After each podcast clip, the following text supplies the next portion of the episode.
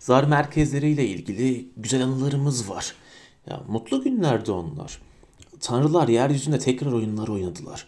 Muazzam bir özgürlük, büyük bir yaratıcılık, çılgınlıklar, saçmalıklar, delice bir karmaşa. Bunların hepsi insan eliyle yönlendirilmeden sadece hepimizi seven büyük kör bir zarın rehberliğinde yaşandı. Hayatımda sadece bir kez bir toplumda yaşamının ne anlama geldiğini öğrendim. Dost ve düşmanlarımın paylaştığı daha büyük bir amacın bir parçası olduğumu hissettim. Sadece zar merkezlerinde total kurtuluşu komple paramparça eden unutulmaz total aydınlanmayı yaşadım.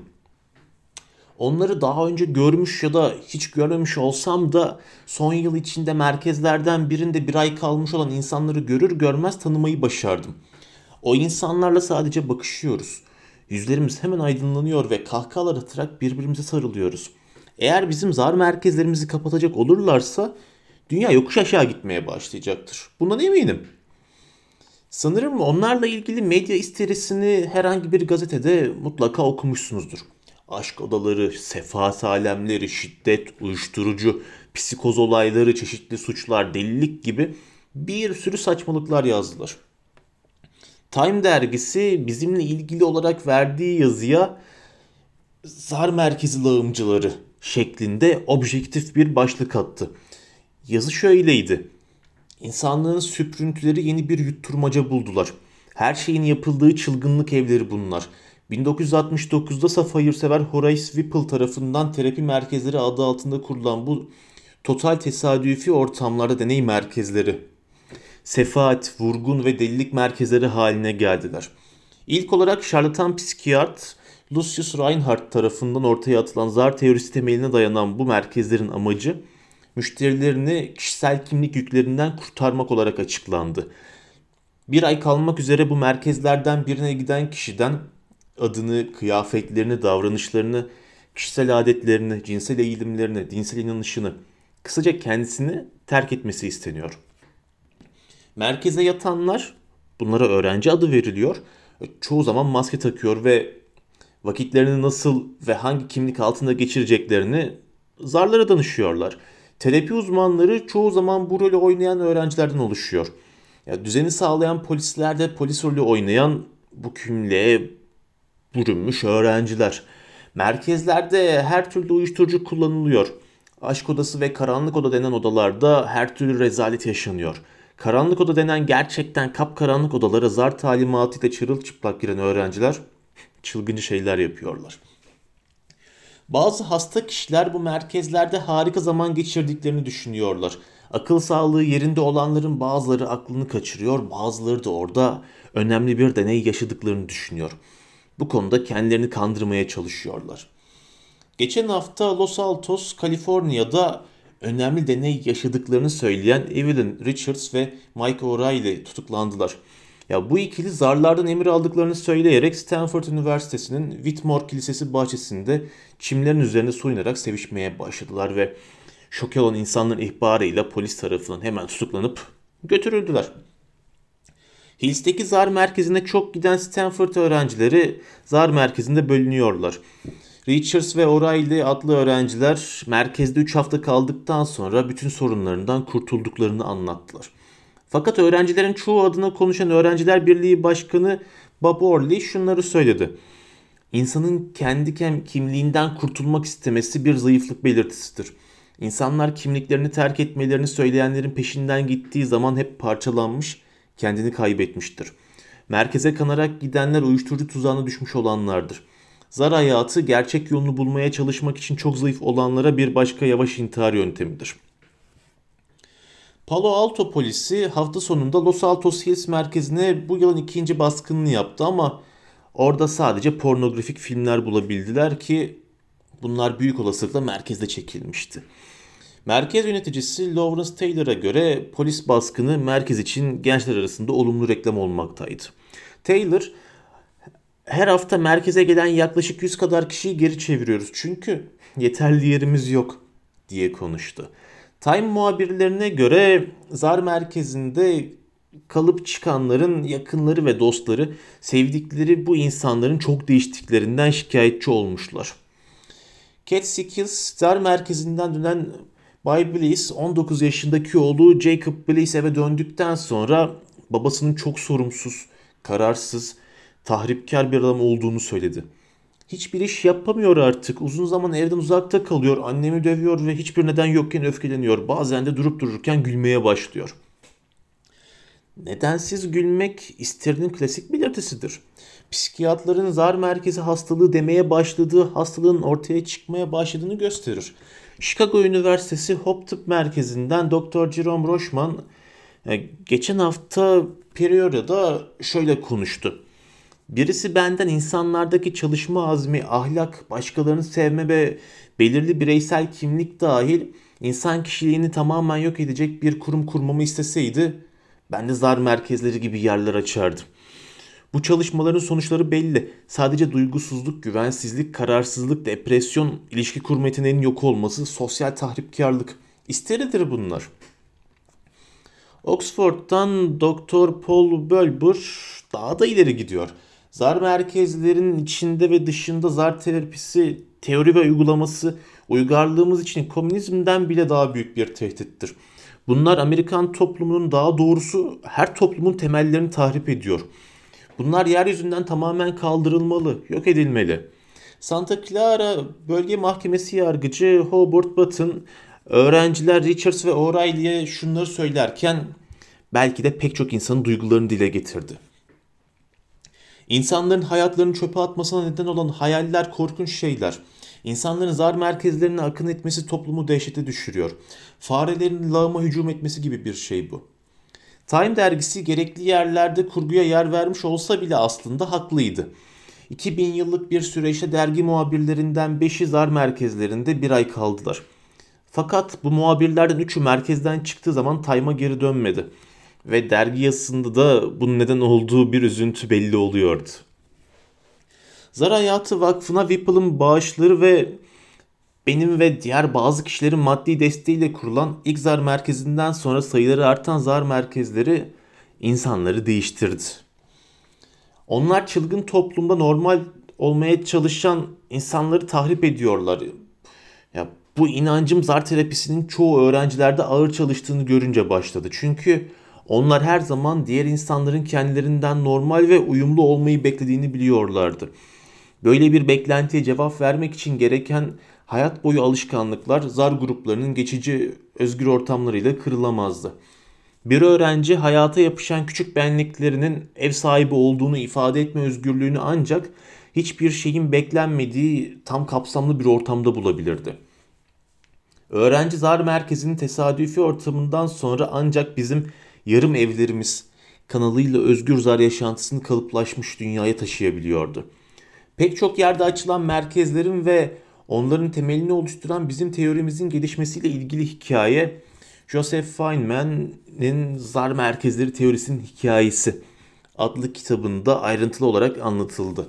Merkezlerin değişmemeye kararlı bir insanı değiştirmek için nasıl çalıştıkları konusunu Dr. Jacob Eckstein'in Kareküp Vakası adlı otobiyografisinde de bulabilirsiniz.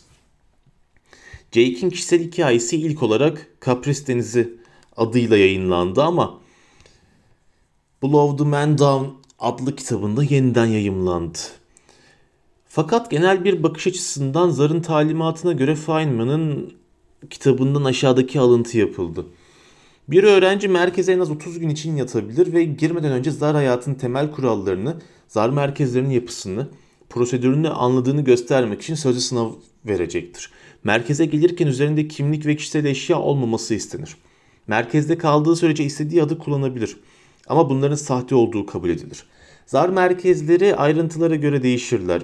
Ya, yaratıcılık odalarında zar bir öğrenciye tesadüfi ortam için daha yeni ve daha iyi olanaklar icat etmesini söyler. Ya, bu şekilde çok şey değiştirilmiş, yeni, yenilikler getirilmiştir. Bazı değişiklikler yapıldığı merkezde kalır. Bazıları bütün merkezlere dağıtılır. Fakat genelde bütün merkezler Kaliforniya'daki orijinal Corpus Zar kompleksine benzerler. Merkezde bütün odalara öğrenciler tarafından çeşitli adlar, çukur, tanrı odası, parti odası ve benzeri gibi isimler verilmiştir. Bu adlar her merkeze değişiktir. Merkezlerde iş ve çalışma odaları, çamaşırhaneler, ofisler, terapi odaları, klinikler, tutuklu evi, mutfaklar, oyun odaları, duygu odaları, evlenme odaları, aşk odaları, tanrı odaları, yaratıcılık odaları ve yaşam odaları. Barlar, restoranlar, salonlar, yatak odaları, sinema ve bunun gibi odalar vardır. Öğrenci her gün zar talimatına göre 2 ile 5 saat arasında çeşitli işlerde çalışmalı. Garsonluk, odalarda temizlik işçiliği, polislik, terapi uzmanlığı, kabul memurluğu, gardiyanlık, fahişelik ve benzeri işler yapmalıdır. Öğrenci bunları yaparken zar hayatı yaşar ve çeşitli roller oynar. İlk zamanlar bu işleri yapanlar geçici eğitimli personeldir. Terapi uzmanlarının, doktorların en azından yarısı gerçek tıp doktorlarıdır. Polisler, kabul memurları ve diğer çalışanlarda da durum aynıdır. Fakat 3 yıllık tarihimizde gerçek personelde zaman içinde azalma oldu. Bir süre sonra güçlü bir eğitim sayesinde 3. ve 4. hafta öğrencilerinin görevlerin ve işlerin çoğunda gerçek personel gibi çalışabildiklerini gördük. Geçici öğrenciler gibi bu personel de haftada bir rollerini değiştirir. Farklı görevler yaparlar. Herkes personel olduğu için, olduğunu söylediği için bunların içinde gerçek personelle öğrenci personeli ayırmak zordur. Zar merkezlerinde sadece çok iyi çalışan eğitimli personel sürekli olarak çalıştırılır. Vermont merkezinde sürekli personel zaman içinde çıkarılarak azaltıldı ve bir süre sonra sadece öğrencilerden oluşan personel çalışmaya başladı. Geçici personelin içine iki ay sonra eski sürekli personelden bir kısmını diğerlerine sezdirmeden tekrar işe aldık. Bunlar her şeyin yolunda olduğunu rapor ettiler. Gerçek personelin çalışmadığı o iki aylık süreçte sadece çok küçük bazı sorunlar yaşandı. Feynman şöyle devam eder. Yapısal anarşimiz içinde yetkiler terapi uzmanlarında ki pek çok merkezde bunlara bilir kişi denir ve kim olursa onun polisleridir. Yani belirli kurallar vardır. Çalışma yapılan oyun alanlarında silah kullanılmaz, şiddet uygulanmaz ve kuralı bozan kişi polis tarafından bilir kişiye götürülür. Ve kural bozanın hapse gönderilip gönderilmeyeceğine de bu bilir kişi karar verir. Suç işleyenlerin yaklaşık yarısı bir tek gerçek kişilik olduğunu söyleyen ve evine dönmek isteyen kişiler olmuştur. Çalışma ve oyun odalarında bu talepler suç kabul edildiğinden bunlar hapse gönderilir ve zar terapisiyle ağır çalışma cezası alırlar. Cezaların çoklu kişilik koşullarına alışana kadar devam etmesi öngörülür. Suç işleyenlerin bir kısmı ise karşı gelinen yasalar zar merkezleri için garip yasalar olsalar bile bunlara karşı gelme rolü oynayan öğrencilerdir. Yapısal anarşi ortamına giren bir öğrenci kendi zarlarıyla hareket ederek sürekli rol değiştirir. Kokteyl partiden yaratma odasına, aşk aleminden tanrı odasına, deliler odasından aşk odasına, küçük Fransız restoranından kuru temizlemeciye gider gelir. Benzer yerler arasında sürekli yer değiştirir. Bazen eşcinseller için gardiyan, bazen ABD başkanı olur. Çeşitli kişilikleri yaşar. Karanlık oda, ona pit denir, çoğunlukla merkeze gelenler tarafından ilk 10 gün içinde kullanılır. Cinsel konularda çekingen olanlar bu odanın tamamen karanlık ortamında zarın talimatlarına hiç utanmadan rahatça itaat eder. Onun söylediklerini cesurca yaparlar. Şişman ve çirkin bir kadın sadece yemek, banyo ve tuvalet ihtiyaçları için çıktığı pit içinde 3 gün sürekli kaldı. Oradan çıktığını tamamen değişmiş, kendine güvenen, herkesin gözüne cesurca bakabilen bir kadın olmuştu. Dış dünyada rahat davranamayan eşcinseller için de çok uygun bir ortamdı Pit. Ya, tamamen karanlık odada önlerine geleni rahatça okşayabilen eşcinseller kendi türlerinden birine rastlayınca çok mutlu olurlardı elbette. Dış dünya ortamında cinsel arzularını istedikleri gibi tatmin edemeyen insanlar Pit'in tamamen karanlık ortamında istediklerini rahatça yapabiliyorlardı. Başlangıçta zar merkezlerinde para kullanılmıyordu ama bir süre sonra paranın da aşk gibi gerçek ihtiyaçlardan biri olduğunu fark ettik ve gelen öğrencilere harcayabilmeleri için yine zarların talimatına göre bir miktar gerçek para vermeye başladık. Müşteri 3000 dolara kadar seçenek verir zarlara ve ortalama miktar çoğu zaman 500 dolardır. Merkezden çıkacak olan öğrenci oraya girerken bir ay için ne kadar ödeyeceği bizim rastgele belirlenmiş faturamızı ödedikten sonra biriktirdiği, kazandığı ya da çaldığı paraları alıp götürebilir. Merkezde çeşitli işlerde çalışan öğrenciler bu çalışmaları karşılığında çeşitli ücretler alırlar ve bu ücretlerde yapılması gereken işlerin düzenli olarak yapılabilmesi için oldukça yüksek tutulur. Bazen yemek için bile paraları kalmayan bazı öğrenciler başkalarından para dilenir, borç alır ya da Birinin oynamak istemediği bir rolü para karşılığında oynamak için kendilerini satarlar. Fahişelik bütün merkezlerde her zaman görülen bir olaydır. Ya bunun nedeni en kolay cinsel ilişki kurma yöntemi olması değildir. Ya çeşitli şekillerde cinsel ilişki merkezlerde zaten kolaydır. Öğrencilerin kendilerini satmaktan ya da başkasını satın almaktan zevk almasıdır asıl neden. Ya bu belki de kapitalist ruhun özüdür. Bir öğrenci 30 günlük merkez yaşantısından sonra son 10 günü içinde zar merkezi yakınlarında bulunan ve yarı yol evi denen bir motelde yemek yiyebilir, kalabilir. Motel personelinden bir kısmı zar merkezlerinden sağlanmış olabilir. Ama çoğunlukla motel işletmesi tarafından alınmış gerçek personeldir ve zar adamı olması gerekmez. Bir öğrenci bu yarı yol evlerini teklif edene kadar öğrenciler merkezin özgür ortamından dış hayata çıkmaya çek, çekmiyorlardı.